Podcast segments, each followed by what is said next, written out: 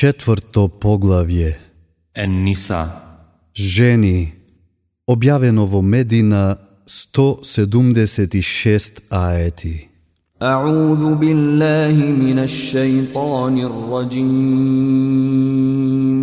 بسم الله الرحمن Во الرحيم името на Аллах, семилосниот, милостивиот. أيها الناس اتقوا О, луѓе, плашете се од Господарот свој, кој од еден човек ве создаде, од кого жената како пар негов ја создаде, а од нив двајца многу мажи и жени расеа. Плашете се од Аллах, со чие име едни со други се замолувате, и роднинските врски чувајте ги. Аллах навистина бдее над вас. И на сирачињата имотите нивни дајте им ги, лошото како добро не подметнувајте им го и имотите нивни со имотите ваши не трошете ги, бидејќи тоа на вистина е голем престап. Ако се плашите дека нема да бидете праведни кон сирачките, тогаш женете се со жените што ви се дозволени со по две, со по три и со по четири. А ако се плашите дека нема да бидете праведни, тогаш само со една или со тие што се во ваша собственост. Така најлесно ќе се сочувате од неправдата. И со драго срце на сопругите венчалните дарови дајте им ги, па ако тие по своја волја ви подарат нешто од тоа, во тоа со пријатност и угодност уживајте.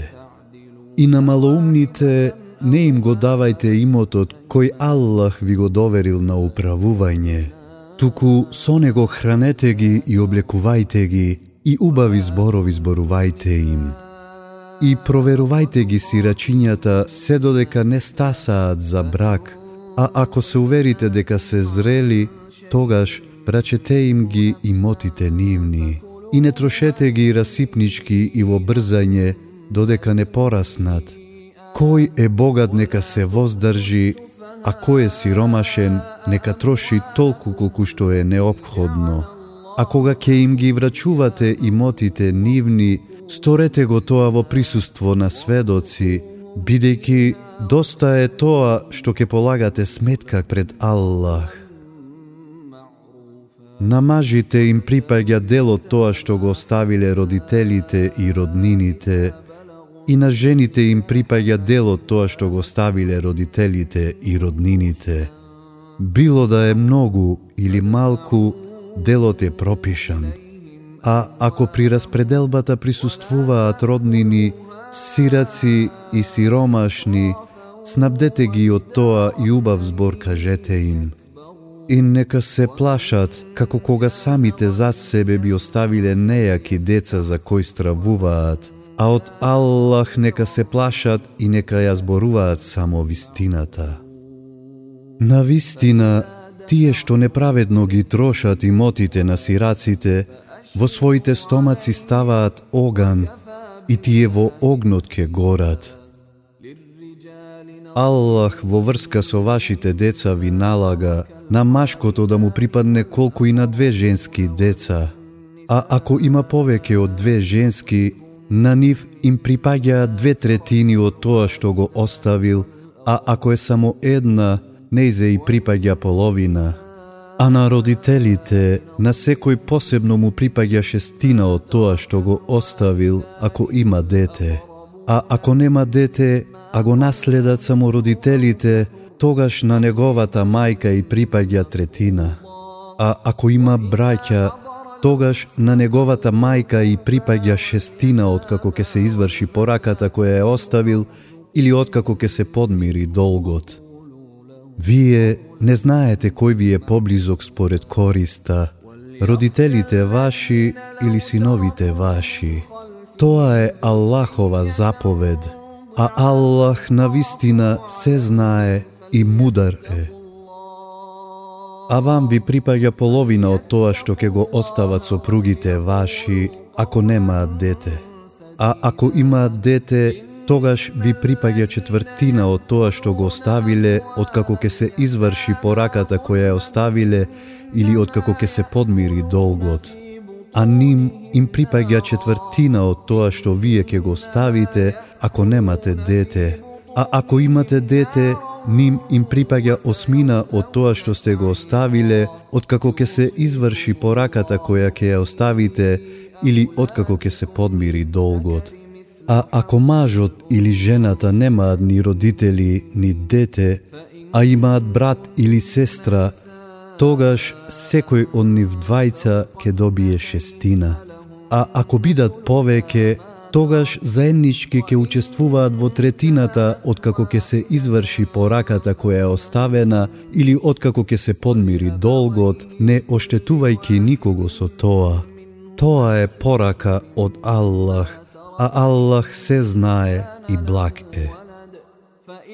Тоа се Аллаховите прописи, тој што им се покорува на Аллах и на неговиот пратеник, тој ке го воведе во дженетските градини под кои реки течат и во кој вечно ке остане. Тоа е голем успех. А тој што нема да им биде покорен на Аллах и на неговиот пратеник, и што преку границите негови ке преминува, тој ке го фрли во огнот во кој вечно ке остане, нему му припаѓа срамна казна. Кога некоја од сопругите ваши ке стори прелюба, побарајте против нив тоа да го посведочат четворица од вас, па ако посведочат, држете ги во куќите се додека смртта не ги стигне или додека Аллах не им најде некој пат. А ако пак двајцата тоа го направат, тогаш прекорете ги, а ако се покајат и ако се поправат, тогаш оставете ги намира, бидејќи Аллах на вистина ги прима покајанијата и милостив е. Аллах го прима покајанието само од тие што кога ќе сторат некое лошо дело од незнаење, а веднаш потоа ќе се покајат. На нив Аллах ќе им прости, а Аллах се добро знае и мудар е. Залудно им е покајанието на тие кои што прават лоши дела, се додека не им се приближи смртта, па тогаш велат, сега на вистина се каам, ниту пак за тие што ќе умрат како неверници. На нив болна казна им подготвивме. О, верници, забрането ви е сопругите да ги наследувате како предмети без нивна желба и да им причинувате тешкоти со намера од нештата што им ги дарувавте за себе да си присвоите, освен доколку сторат јасен грев. Со нив убаво живејте, а ако почувствувате непожелност кон нив, можно е да не сакате нешто во кое што Аллах дал големо добро. Ако сакате едната сопруга да ја замените со друга и на едната он нив сте и дале богати дарови, не земајте ништо од тоа. Зарем тоа со клевета да го земете и да направите очигледен грев, како би можеле тоа да и го одземете, кога еден со друг сте биле интимни и кога тие од вас цврста обврска зеле. И не женете се со жените со кои се женеле вашите татковци после тоа што било. Тоа би бил разврат, гнасен и лош пат. Ви се забрануваат мајките ваши и керките ваши и сестрите ваши и сестрите на татковците ваши, и сестрите на мајките ваши, и керките од браќата ваши и од сестрите ваши, и по мајките ваши што ве доеле, и сестрите ваши по млеко, и мајките на жените ваши, и паштерките ваши кои се под ваша закрила од жените ваши со кои сте имале брачни односи, Но ако со нив не сте имале брачни односи, тогаш не правите грев. И жените на вашите родени синови, и две сестри одеднаш да ожените, освен тоа што било предходно. Аллах навистина простува и милостив е. И мажените жени, освен тие што ќе ги заробите, што ви е Аллахов пропис, а останатите ви се дозволени ако сакате венчални дарови да им дадете и со нив да се ожените, а не да правите блуд. А на сопругите ваши, со кои сте имале брачни односи, дадете им ги нивните венчални дарови како што е пропишано. И не правите греф ако за одреден венчален дар со нив се нагодите. Аллах на вистина се знае и мудар е. А тој меѓу вас кој не е доволно богат да се ожени со слободна верничка, ете му ги тие во ваша собственост, робинките ваши вернички. А Аллах најдобро знае какво е верувањето ваше, едни од други сте. И женете се со нив со согласност на собственикот нивен и дајте им ги венчалните дарови како што е вообичаено, ако се чедни, а ако не се прелюбнички, ниту тајни љубовнички. А ако тие како мажени сторат блуд, нека бидат казнети со половична казна, пропишана за слободните жени.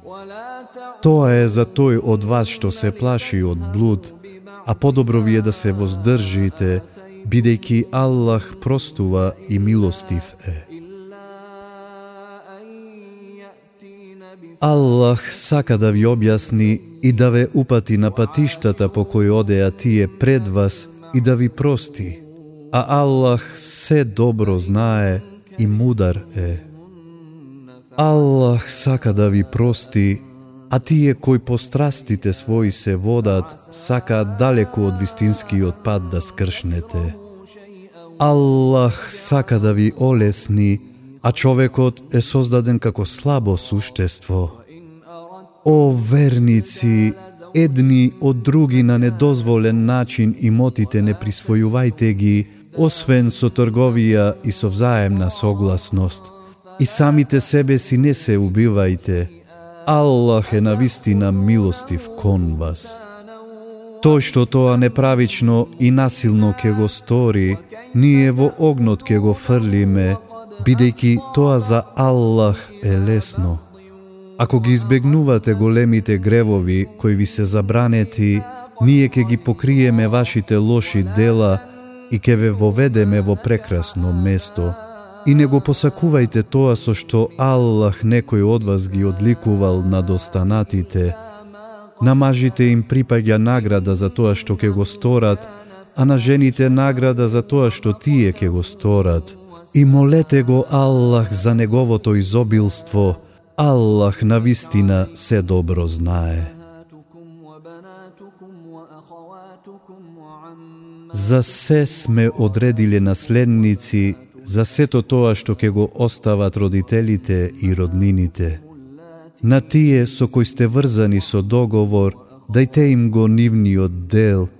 Аллах е на вистина сведок на се. Мажите се надредени над жените затоа што Аллах ги одликувал едните над другите и затоа што тие ги трошат имотите своји.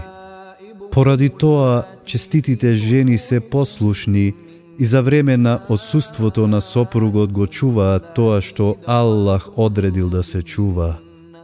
Тие, за чија што непослушност се плашите, посоветувајте ги а потоа напуштете ги постелите нивни, па и удрете ги. Ако ви станат послушни, против нив ништо не правете. Аллах е навистина возвишен и голем. А ако се плашите од раздор помеѓу нив двајца, тогаш испратете еден посредник од неговото, а еден посредник од нејзиното семејство. Ако тие сакаат помирување, Аллах ќе ги смири, бидејќи Аллах знае се и е известен за се. И обожувајте го Аллах и ништо не му здружувајте, а на родителите правете им добро, и на роднините, и на сирачињата, и на сиромашните, и на блискиот сосед, и на далечниот сосед, и на пријателот, и на патникот, и на тој што е во ваша собственост. Аллах на вистина не ги сака горделивите и фалбаджиите. Тоа се тие кои се скржави и им заповедаат на другите да бидат скржави и кои го кријат тоа што Аллах од изобилството свое им го дарил, а ние на неверниците им подготвивме срамна казна. И тие што ги трошат имотите своји за да се покажат пред луѓето, а во Аллах во оној свет не веруваат. А на кого шејтанот му е пријател, тој му е лош пријател. А што ке биде ако во Аллах и во судниот ден веруваат, и ако тоа што Аллах им го дал даваат, кога Аллах за нив знае се, Аллах нема ни тронка неправда да стори, тој доброто дело ќе го умножи и уште од себе голема награда ќе даде. А што ќе биде кога од секој народ ќе доведеме сведок, а тебе ќе те доведеме како сведок против овие народи? На тој ден, тие што не веруваа и што против пратеникот се креваа, ке посакаат земјата над нив да е порамнета, а од Аллах нема да можат ниту еден збор да сокријат. О, верници, не пристапувајте на намаз пијани, се додека не бидете свесни што изговарате, ниту кога сте джунуб, освен ако сте на поминување, се додека не се искапете. А ако сте болни, или сте на пат, или после извршена физиолошка потреба, или ако сте биле во допир со жените, а не најдете вода, тогаш со дланките чистата земја допрете ја, и лицата ваши и рацете ваши допрете ги. Аллах на вистина поминува преку гревовите и простува. Зарем не гледаш како тие на кои им е даден дел од книгата, ја купуваат заблудата и сакаат и вие од вистинскиот пат да скршнете. Аллах најдобро ги познава вашите непријатели. Аллах е доволен заштитник и Аллах е доволен помагач. Од евреите има такви кои ја извртуваат смислата на зборовите велејки. Слушаме, но не се покоруваме и слушај, да не те чуеме, и рајна, превртувајки со јазиците своји и хулејќи ја верата, а да кажат, слушаме и се покоруваме, и слушај и погледни не, за нив би било подобро и поисправно. Но поради неверувањето нивно, Аллах ги проколна и малку кој од нив веруваат. О, вие на кој ви е дадена книгата, поверувајте во ова што го објавуваме, потврдувајќи го тоа што веќе го имате, пред да ги избришеме цртите на лицето и пред да ги вратиме назад, или пред да ги проколнеме како што ги проколнавме тие кои не ја почитуваа саботата. А Аллаховата заповед мора да се изврши. Аллах нема да прости ако нешто му се здружува, а ке прости се освен тоа кому тој сака. А тој што на Аллах му припишува здруженик, тој прави клевета и голем грев. Зарем не ги гледаш тие кои се сметаат себе си за чисти од гревови, меѓутоа Аллах чисти од гревови кого сака и никому нема николку една тронка неправда да му се направи. Погледни како измислуваат лага за Аллах, а тоа за Аллах е доволно како јасен грев. Зарем не гледаш како оние на кои им е даден еден дел од книгата, во киповите и во тагутот веруваат, а за незнабошците велат, тие се на поисправниот пат од верниците. Нив Аллах ги проколнал, а на тој кого Аллах го проколнал, нема да му најдеш никој кој би му помогнал. Кога тие би имале каков било удел во власта, на луѓето ништо не би им дале, или би им завидувале на луѓето на кој Аллах од изобилието свое им дарил, а ние на Ибрахимовите потомци книга и мудрост им дадовме и голема власт им подаривме. Па имаше од тие што веруваа, а имаше и такви што од тоа одвраќаа, а джехеннемот им е доволен како оган вжарен. Тие што не веруваат во доказите наши, ние сигурно во оган ке ги фрлиме, па кога кожите ке им се испечат, ке им ги замениме со други кожи, за да ја осетат вистинската казна. А Аллах е силниот и мудриот. А тие што веруваат и што прават добри дела, ние ке ги воведеме во дженетските градини под кои реки течат – таму вечно ќе останат и во нив чисти жени ќе имаат и во дебела ладовина ќе ги внесеме. Аллах ви наредува доверливите работи да им ги давате на тие што се достојни за нив, а кога на луѓето им судите, праведно да судите. Аллаховиот совет на вистина е прекрасен и Аллах на вистина се слуша и се гледа. О верници, покорувајте му се на Аллах и покорувајте му се на пратеникот и на вашите предпоставени. А ако не се сложувате во нешто, обратете им се на Аллах и на пратеникот, ако верувате во Аллах и во оној свет. Тоа е подобро и последиците се поубави. Зарем не ги гледаш тие што тврдат дека веруваат во тоа што ти се објавува тебе и во тоа што е објавено пред тебе, како сакаат пред тагутот да им се суди, иако им е наредено да не веруваат во него. А шејтанот сака само во голема заблуда да ги наведе. И кога ќе им се каже, прифатете го тоа што Аллах ви го објавува и прифатете го пратеникот, Ги гледаш лицемерите како од тебе сосема се свртуваат.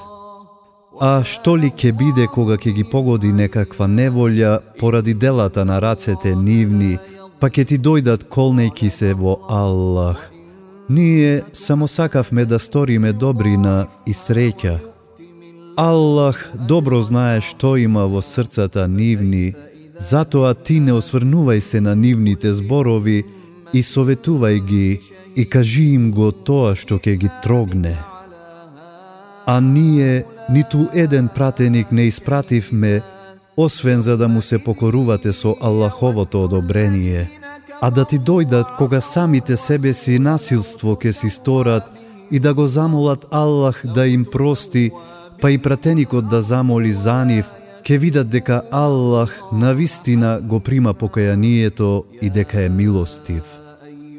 И се колнам во Господарот Твој, тие нема да бидат верници, се додека во меѓусебните спорови за судија тебе не те прифатат, а потоа во душите своји ни малку тешкотија да не почувствуваат за тоа што си го одредил и додека сосема не се покорат.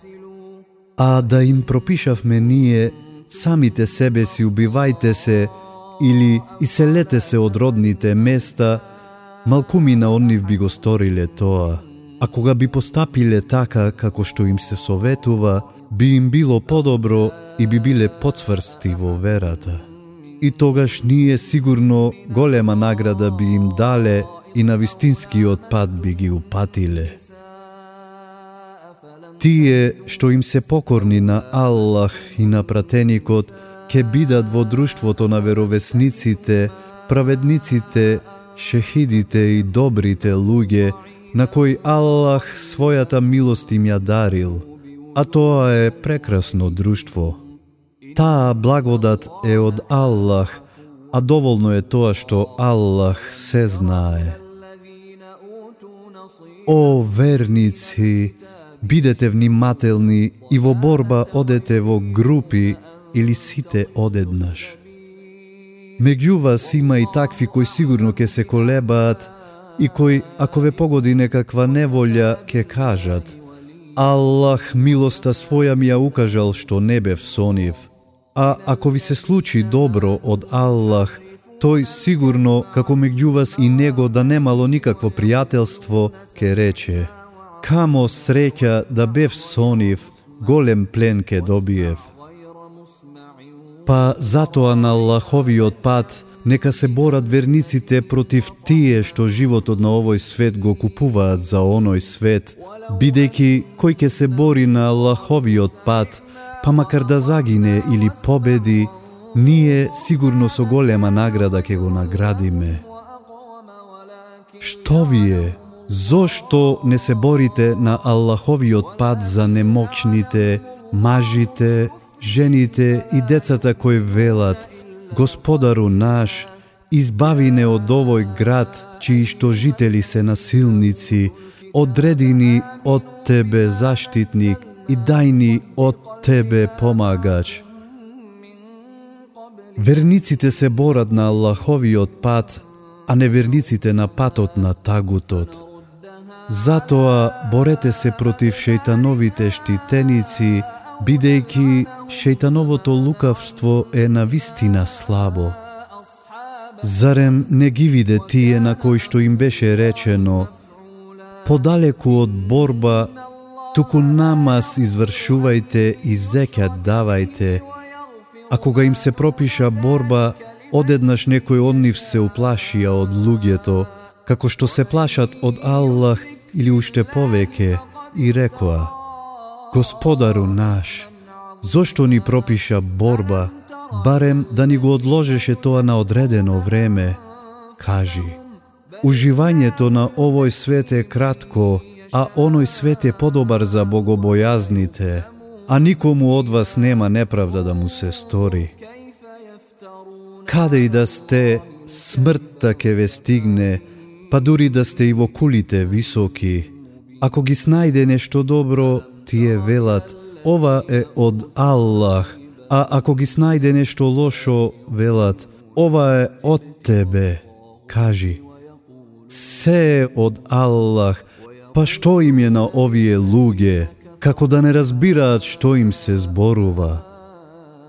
Доброто кое ќе ти се случи е од Аллах, а лошото кое ќе те снајде е од тебе. Ние те испратив некако пратеник на сите луѓе, а Аллах е доволен сведок. Кој ќе му се покори на пратеникот, му се покорил и на Аллах, а кој главата ќе ја сврти, па ние не те пративме да им бидеш чувар. Лицемерите велат, се покоруваме, а кога ќе се тргнат од тебе, тогаш некои од нив во ноќта смислуваат нешто спротивно на тоа што ти го зборуваш. Аллах го запишува тоа што тие ноќе го смислуваат.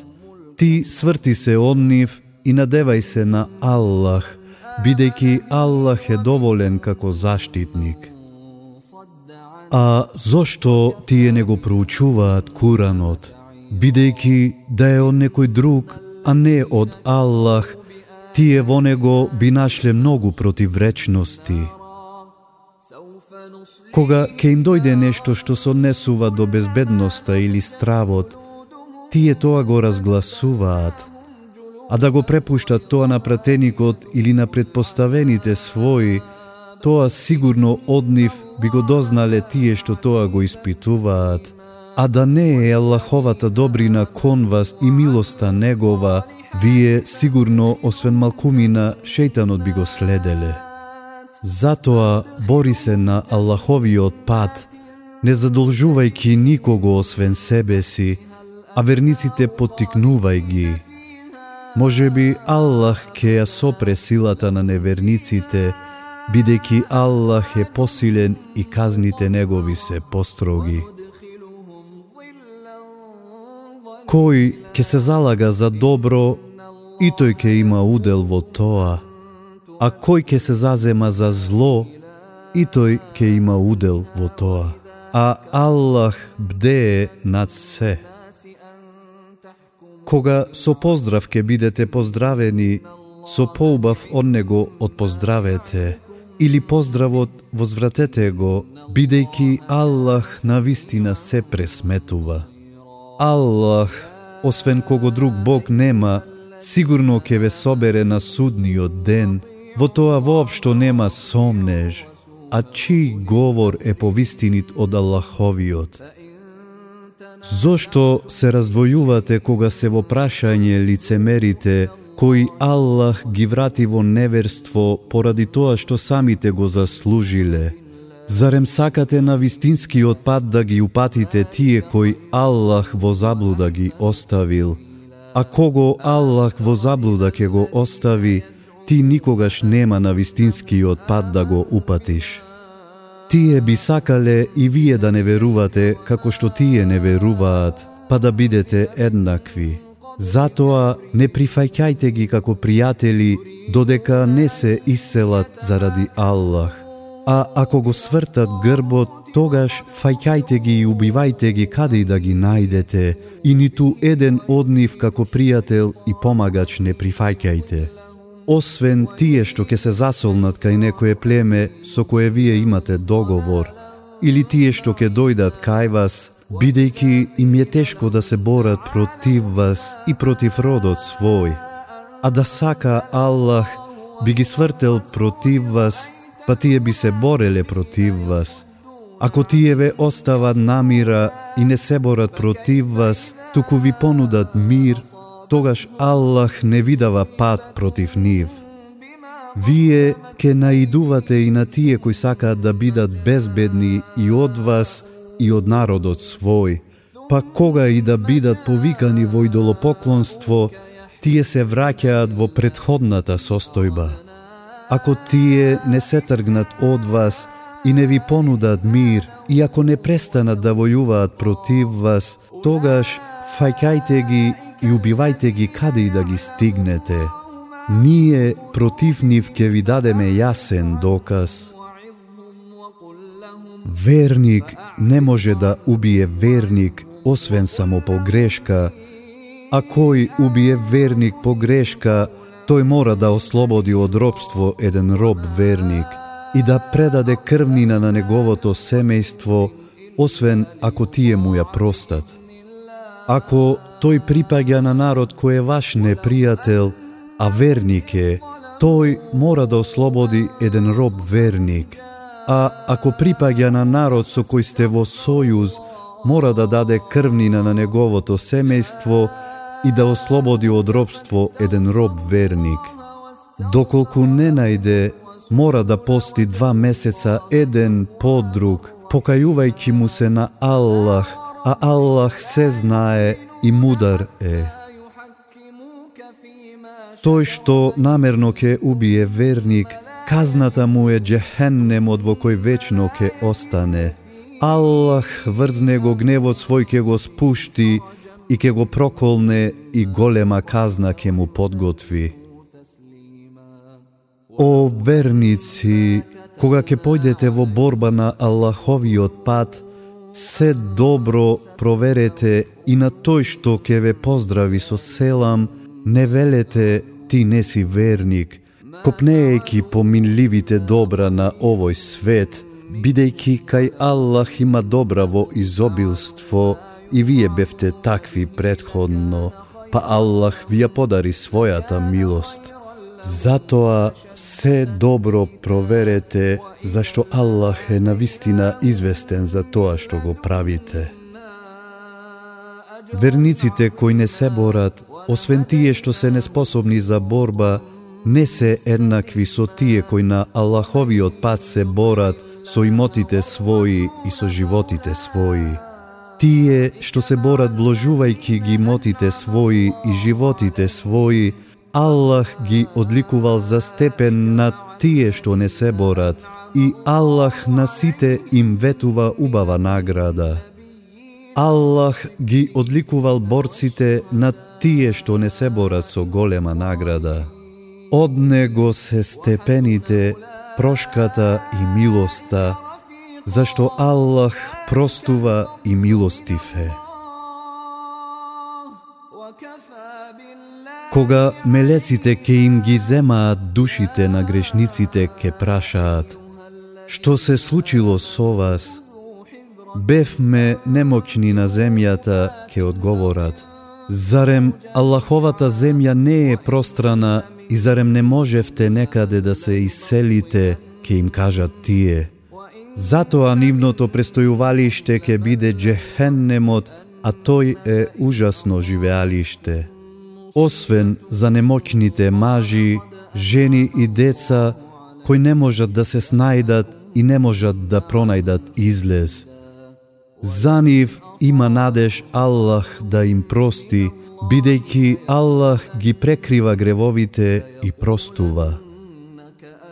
Тој што ќе се исели на Аллаховиот пат, ќе најде многу места и изобилства на земјата. А тој што ќе го напушти својот роден крај поради Аллах и пратеникот негов, па го стигне смртта, ќе добие награда од Аллах. Аллах многу простува и милостив е. Немате грев ако намазот го скратите кога сте на пат и кога се плашите дека неверниците некакво зло ке ви сторат, бидејќи неверниците ви се навистина отворени непријатели. Кога ти ке бидеш меѓу нив и со нив намаз ке извршуваш, една група нека клања со тебе и своето оружје нека го земе, и додека бидат на сеџда, другите нека бидат зад вас, а потоа нека дојде другата група која не клањала и со тебе нека клањаат, но нека го држат оружјето свое и нека бидат внимателни. Неверниците едва и чекаат вие да го занемарите оружјето и орудието ваше, па на вас сите одеднаш да навалат. А ако ви смета дождот или пак ако бидете болни, не правите грев ако го положите оружјето свое со тоа што ќе бидете внимателни. Аллах на неверниците срамно страдање им подготвил. А кога намазот ќе го завршите, Аллах спомнувајте го и стоејки, и седејки, и лежејки. А кога ќе бидете безбедни, намазот во подполност извршувајте го, бидејќи на верниците им е пропишано во одредени временски интервали намазот да го извршуваат. Немојте да се истоштувате трагајки по непријателот. Ако вие трпите болка, и тие трпат болка како вас, а вие уште од Аллах се надевате на тоа на што тие не се надеваат а Аллах се знае и мудар е. Ние тебе ти ја објавуваме книгата со вистината, за на луѓето да им судиш така како што Аллах ти покажува и не биди бранител на измамниците и замоли прошка од Аллах, бидејќи Аллах на вистина простува и милостив е. И не заземај се за тие кои самите себе си се издаваат, бидејќи Аллах на вистина не го сака тој што е предавник и грешник. Тие се кријат од луѓето, но не можат да се скријат од Аллах, а тој е сонив кога во нокшта смислуваат зборови со кои тој не е задоволен. Аллах на вистина го опфаќа сето тоа што тие го прават.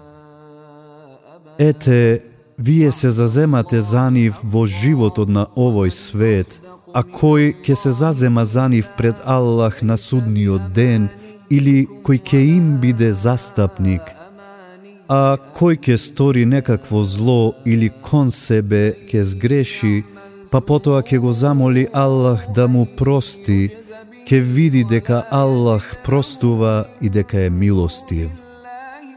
Тој што ќе стори грев, на своја штета го сторил, бидејќи Аллах се знае и мудар е. А кој некаков престап или грев ке стори, а потоа на недолжен човек го префрли, на себе си си натоварил клетва и очигледен грев. да не е Аллаховата добрина и неговата милост према тебе, една група од нив би настојувала да те заведе, но тие само себе си се заведуваат, тебе не можат ни малку да ти наштетат. Тебе Аллах ти објавува книга и мудрост и те учи за тоа што не си го знаел, бидејќи Аллаховата добрина кон тебе е голема. Нема добро во многуте нивни тајни разговори, освен кога бараат милостина да се дава, или добри дела да се прават, или пак мир меѓу луѓето да се воспостави. А кој тоа го прави со желба Аллаховото задоволство да го стекне, ние голема награда ќе му дадеме. Тој што ќе му се спротистави на пратеникот од како јасно ќе му се покаже вистинскиот пат и го следи патот кој не е патот на верниците, ќе го пуштиме да прави што наумил и во джехеннемот ќе го фрлиме, а тоа е ужасно живеалиште. Аллах на вистина нема да прости некој да му се здружува, а кому сака ќе прости се, освен тоа. А далеку заталкал тој што на Аллах му припишува здруженик. Тие покрај Аллах на женски кипови им се клањаат, а не му се клањаат на никој друг туку на шејтанот, бунтовникот.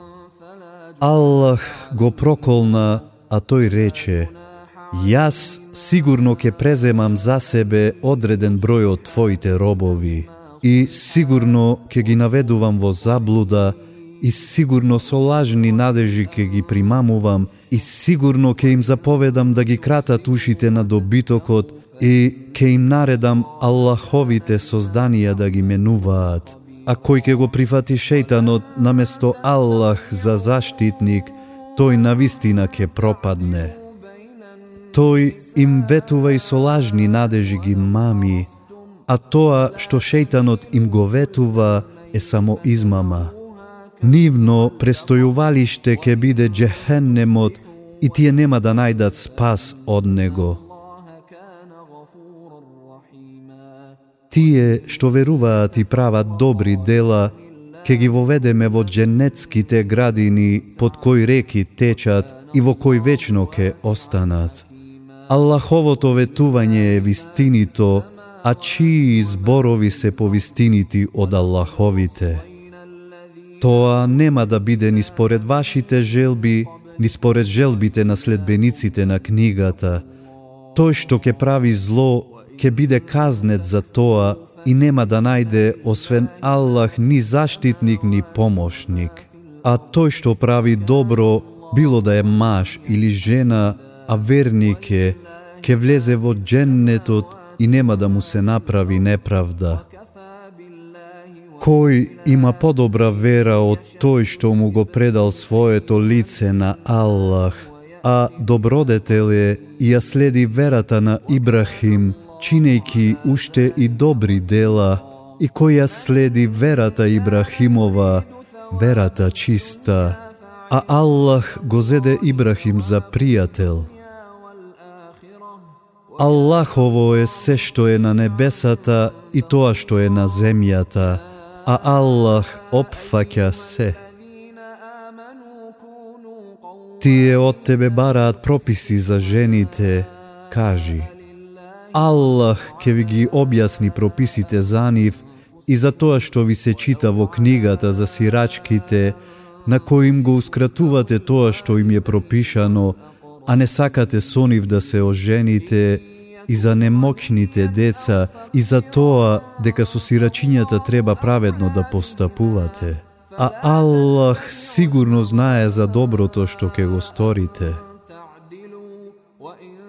Ако некоја жена се плаши од суровоста и занемарувањето од мажот, тогаш тие нема да се огрешат доколку меѓусебно се договорат, а договорот е најдобар – а душите на луѓето се склони кон алчност.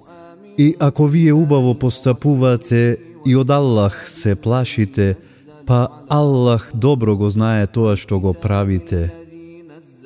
Вие нема да можете кон сопругите своји потполно еднакво да постапувате, колку и да го сакате тоа. Но не допуштајте си себе си таква наклонетост кон некоја, па некоја да оставите како да е без сопруг, а не разведена. А ако вие се поправите и се плашите од Аллах, па Аллах на вистина простува и милостив е. А ако тие двајца сепак се разведат, Аллах од изобилството свое независни ке ги стори. Аллах е неизмерно добар и мудар. Аллахово е тоа што е на небесата и тоа што е на земјата. Ние на тие на кои ми е дадена книгата пред вас, а и на вас, ви заповедавме да се плашите од Аллах, а ако нема да верувате, па на вистина Аллахово е тоа што е на небесата и тоа што е на земјата. Аллах не е зависен од никого и тој е достојниот за благодарност. Аллахово е тоа што е на небесата и тоа што е на земјата. И Аллах е доволен како господар. Ако тој сака, вас ке ве искорени, о луѓе, а други ке донесе. Тој е способен тоа да го стори. Тој што сака награда на овој свет, па кај Аллах е наградата и за овој и за оној свет. А Аллах се слуша и се гледа. О верници, секогаш бидете праведни, сведочете поради Аллах, па дури и против вас самите или против родителите и роднините, било да е тој за кого сведочите богат или сиромашен, па Аллахово е да се грижи за нив. Затоа не следете ги страстите, за да не бидете неправедни. А ако лажно сведочите или сведочењето го избегнувате, па Аллах на вистина знае што правите. О верници, верувајте во Аллах и во пратеникот Негов, и во книгата која тој на својот пратеник му ја објавува, и во книгите кои предходно ги објавил. А тој што нема да верува во Аллах и во мелеците Негови, и во книгите Негови, и во пратениците Негови, и во оној свет, тој далеку заталкал. На тие што биле верници, а потоа станале неверници, па повторно станале верници, и потоа пак станале неверници, и неверувањето го зголемиле, Аллах на вистина нема да им прости, и на вистинскиот пат нема да ги изведе. Навести им болно страдање на лицемерите, кои пријателуваат со неверниците, а не со верниците. Зарем кајнив бараат моќ, а сета моќ му припаѓа само на Аллах. Тој во книгата веќе ви објави, кога ќе чуете дека Аллаховите зборови ги негираат, и дека им се исмејуваат, не седете со тие што тоа го чинат додека не почнат друг разговор, инаку ке бидете како нив. Аллах сигурно во джехеннемот заедно ке ги здружи лицемерите и неверниците, тие кои исчекуваат што ке биде со вас.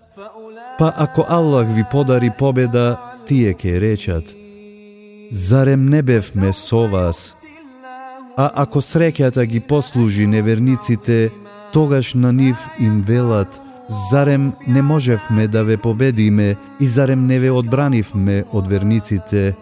На судниот ден Аллах на сите ке ви пресуди, а Аллах нема да им даде прилика на неверниците да ги уништат верниците.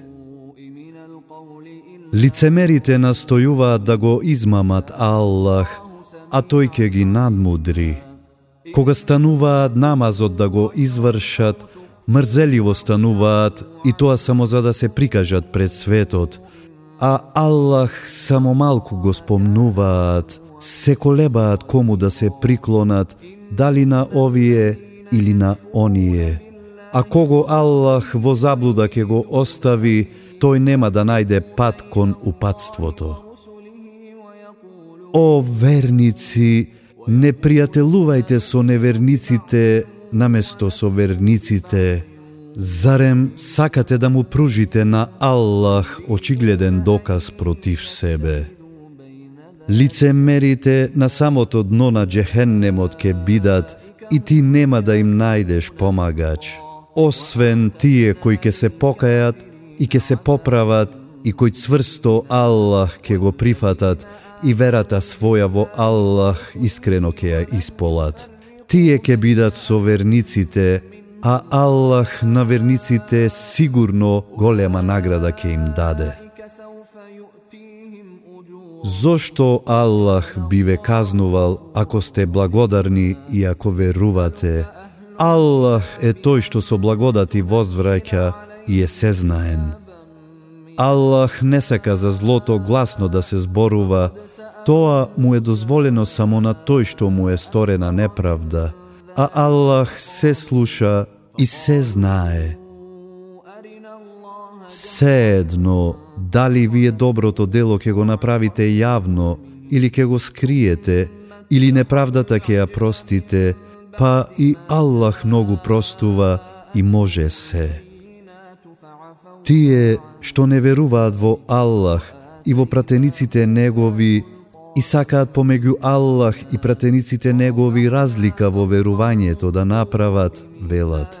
Во некои веруваме, а во некои не веруваме.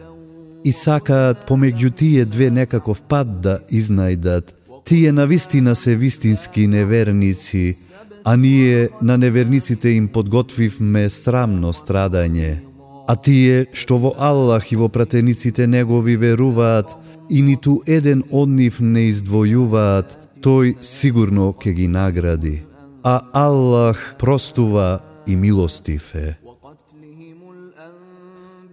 Следбениците на книгата бараат од тебе од небото да им спуштиш книга, па од Муса бара и повеќе од тоа кога рекоа, покажи ни го Аллах.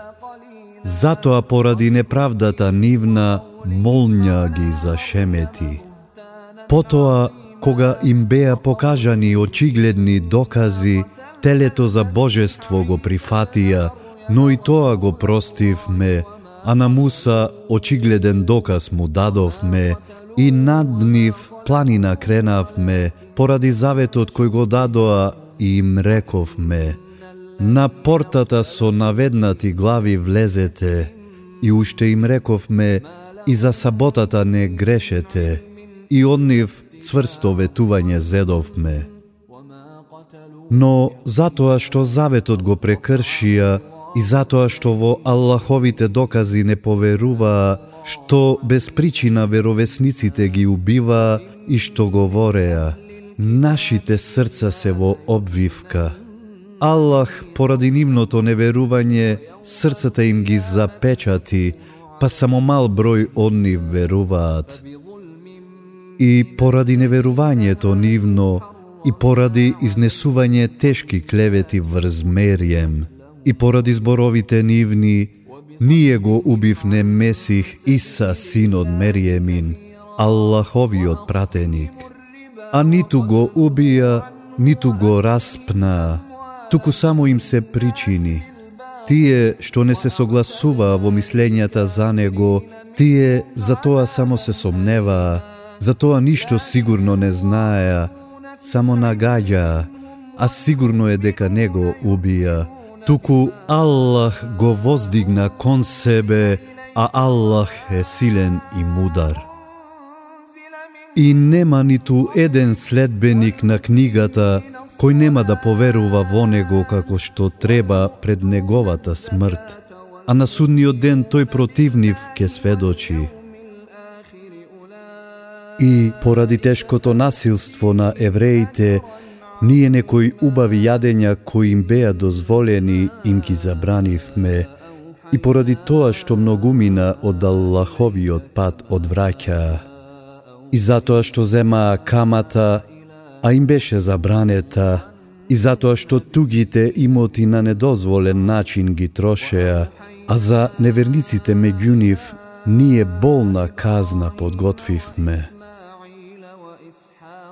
Но тие меѓу нив кои се сосема упатени во науката, а верници се, веруваат во тоа што ти се објавува тебе и во тоа што е објавено пред тебе, особено тие што намазот го извршуваат и тие што зекја даваат и во Аллах и во оној свет веруваат, на нив сигурно голема награда ќе им дадеме.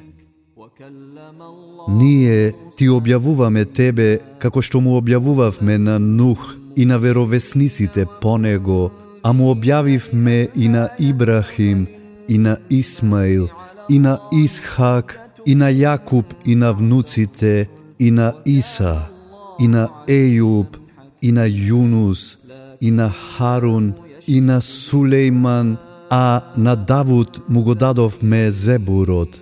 И пративме пратеници за кои предходно ти кажувавме и пратеници за кои не ти кажавме, а Аллах сигурно разговараше со Муса.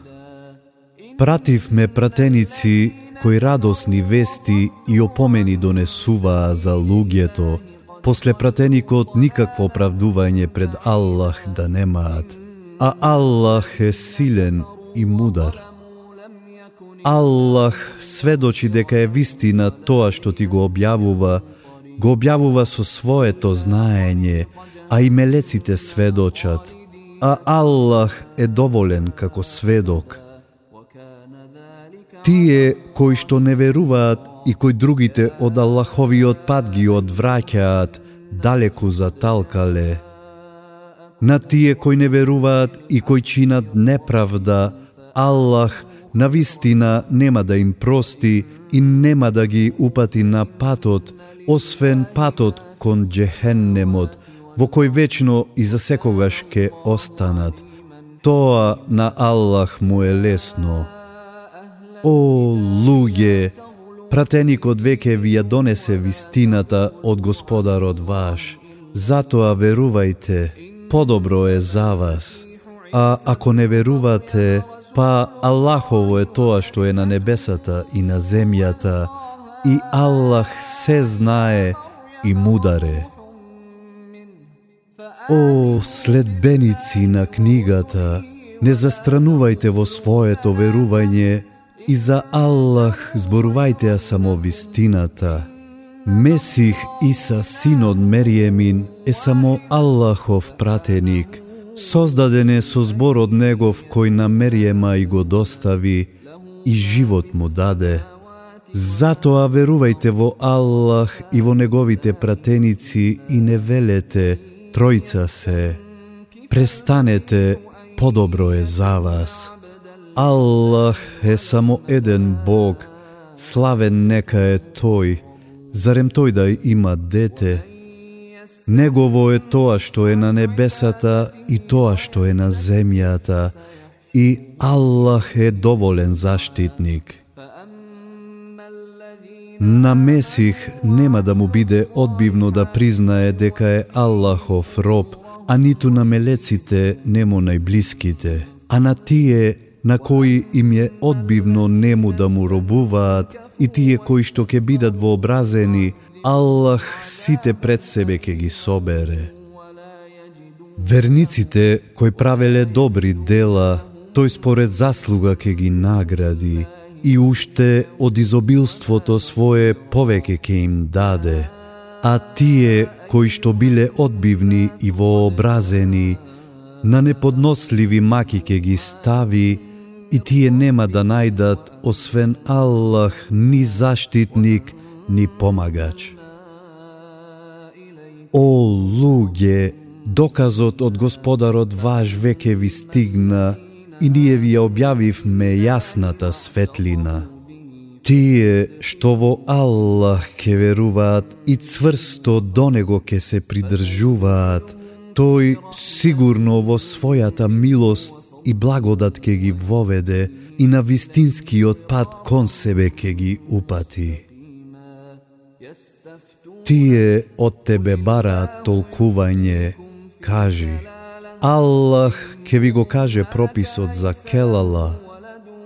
Ако некој умре, а нема дете, но има сестра, нејзе и припаѓа половина од неговото наследство, а тој ке ја наследи неја ако таа нема дете. А ако се две сестри, на нив им припаѓаат две третини од неговото наследство. А ако се браќа и сестри, тогаш на машкото му припаѓа колку на две жени. Тоа Аллах ви го објаснува за да не заталкате, а Аллах знае се. والله بكل شيء عليم.